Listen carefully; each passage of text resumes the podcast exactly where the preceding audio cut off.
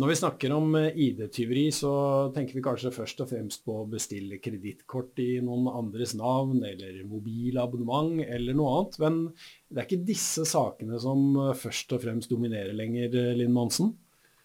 Nei, vi ser jo noe av det fortsatt òg, men det som definitivt dominerer, er jo phishing-sakene. Altså man har fått en SMS eller en e-post med en link fra en troverdig aktør. Posten Apple, banken din, eh, der man må fikse et eller annet. Eh, du har blitt trukket for mye fra fakturaen din. Eh, Bank-ID-en din har blitt sperra. Skydd deg og, og fiks det. Bare logg inn her.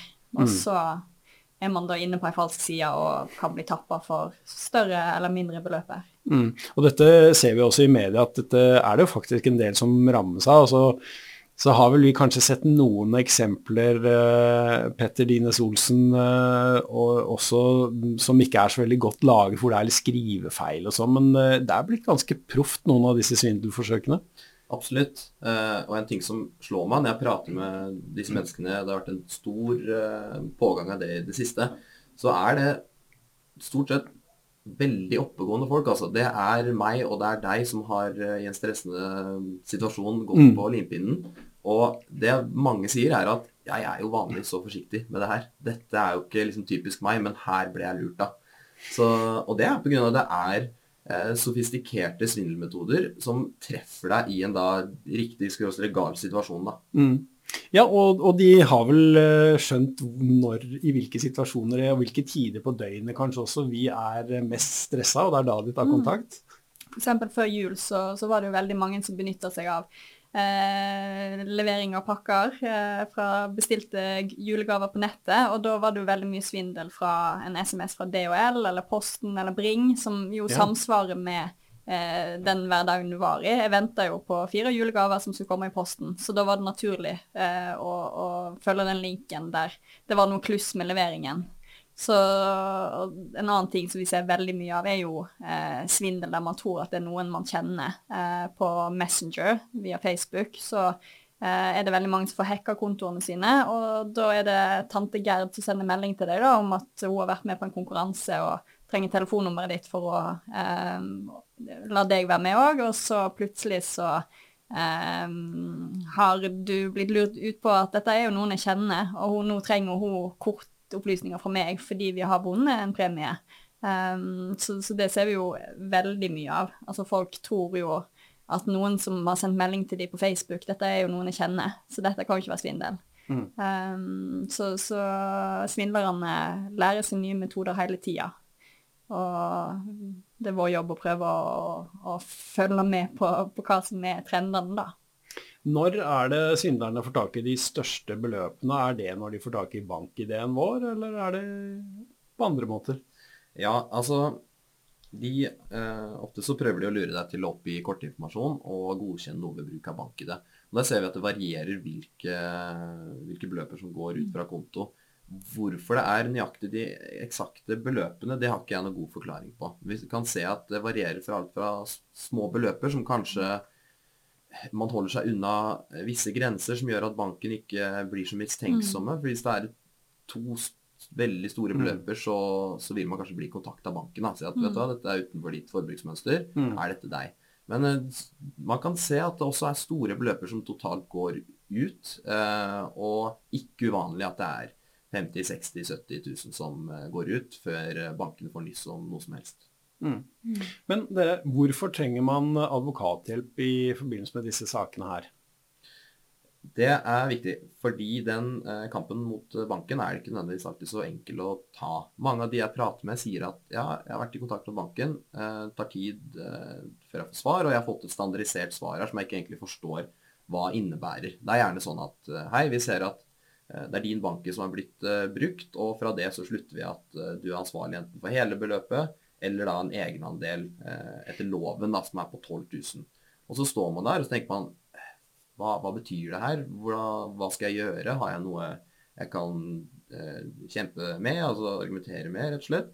Og det vet du ikke nødvendigvis før du får kontakt med en som har eh, peiling på det. Mm. Men, så, fordi Linn, det vi snakker om her, er jo ikke de sakene der hvor jeg har vært eh, litt sånn slumsete med dette gamle brevet som man fikk før i tiden med koder på for bank-ID, eller kodebrikke for den saks skyld. Det er jo gjerne at man har tastet inn bank-ID-en på en side som man trodde var banken, kanskje, som Mm. så tilforlatelig ut. Um, I markedsføringen så vil jo banken gjerne være min bestevenn, men uh, ikke de sakene her, altså. Nei, og, og det varierer jo veldig. Altså, I noen tilfeller så, så håndterer banken det på en bra måte, men vi ser jo òg diverse tilfellene. og det som kanskje er mest spennende for oss for tida, er jo denne Olga-saken som skal opp i Høyesterett til høsten. Um, der de har holdt ei gammel dame ansvarlig for flere hundre tusen. Um, og, og der er det ikke snakk om noen egenandel heller. Der sier de at du, du skal bare tape helt ut sjøl.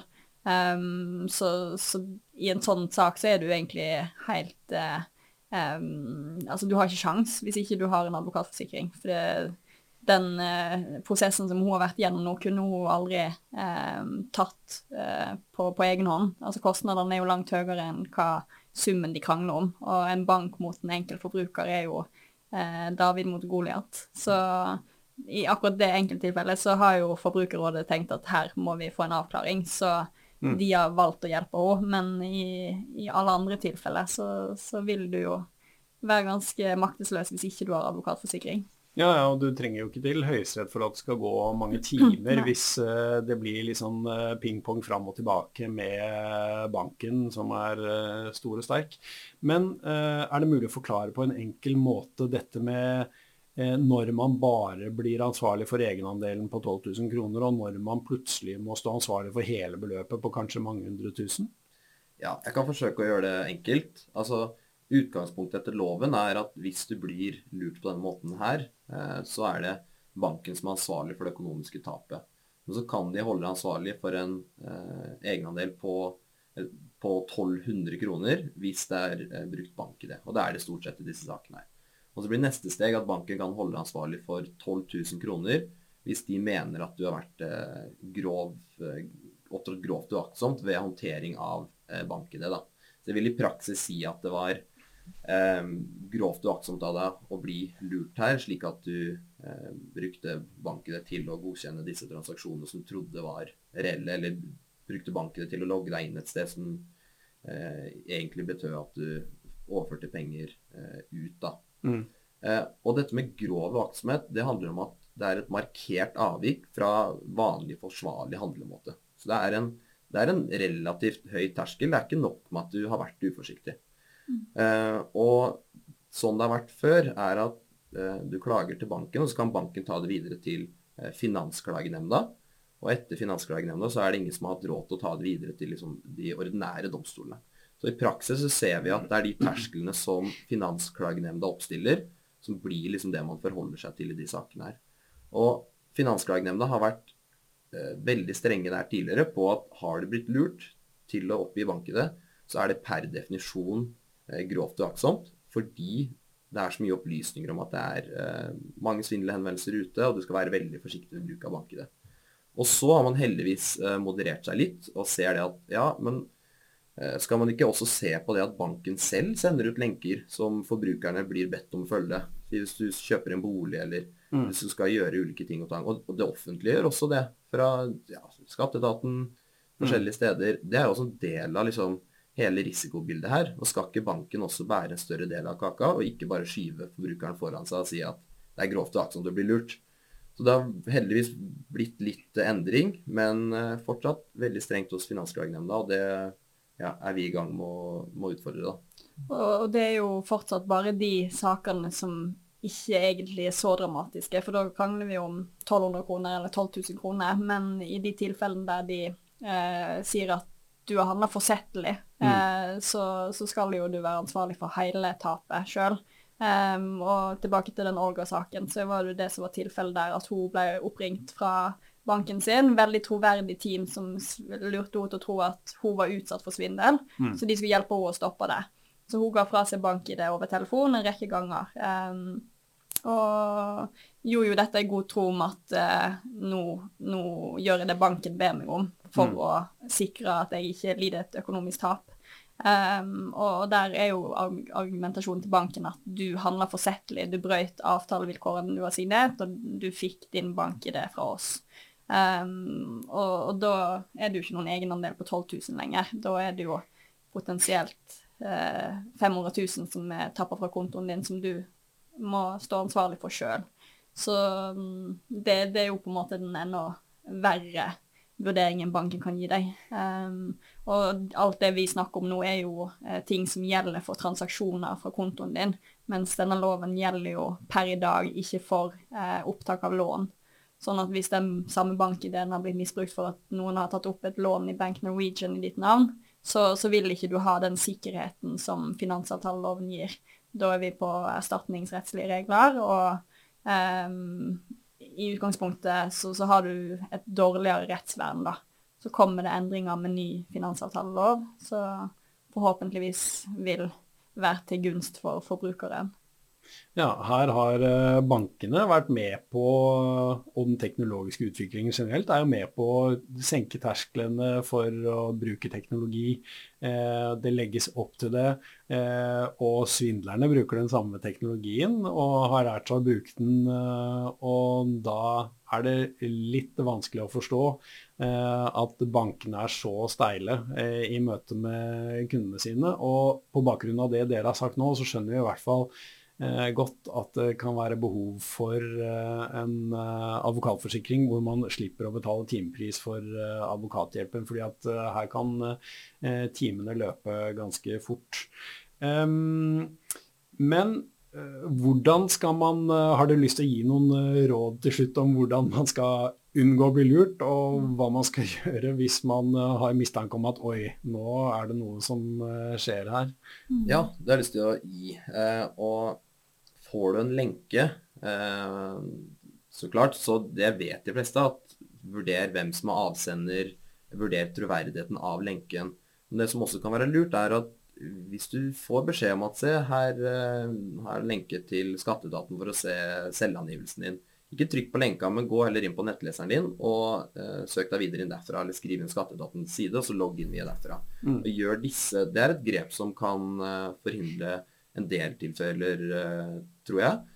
Og hvis du først klikker deg inn på lenka, vær årvåken på uh, ulike ting som kan tilsi at dette er svindel. Som jeg var inne på, så blir det mer og mer sofistikert.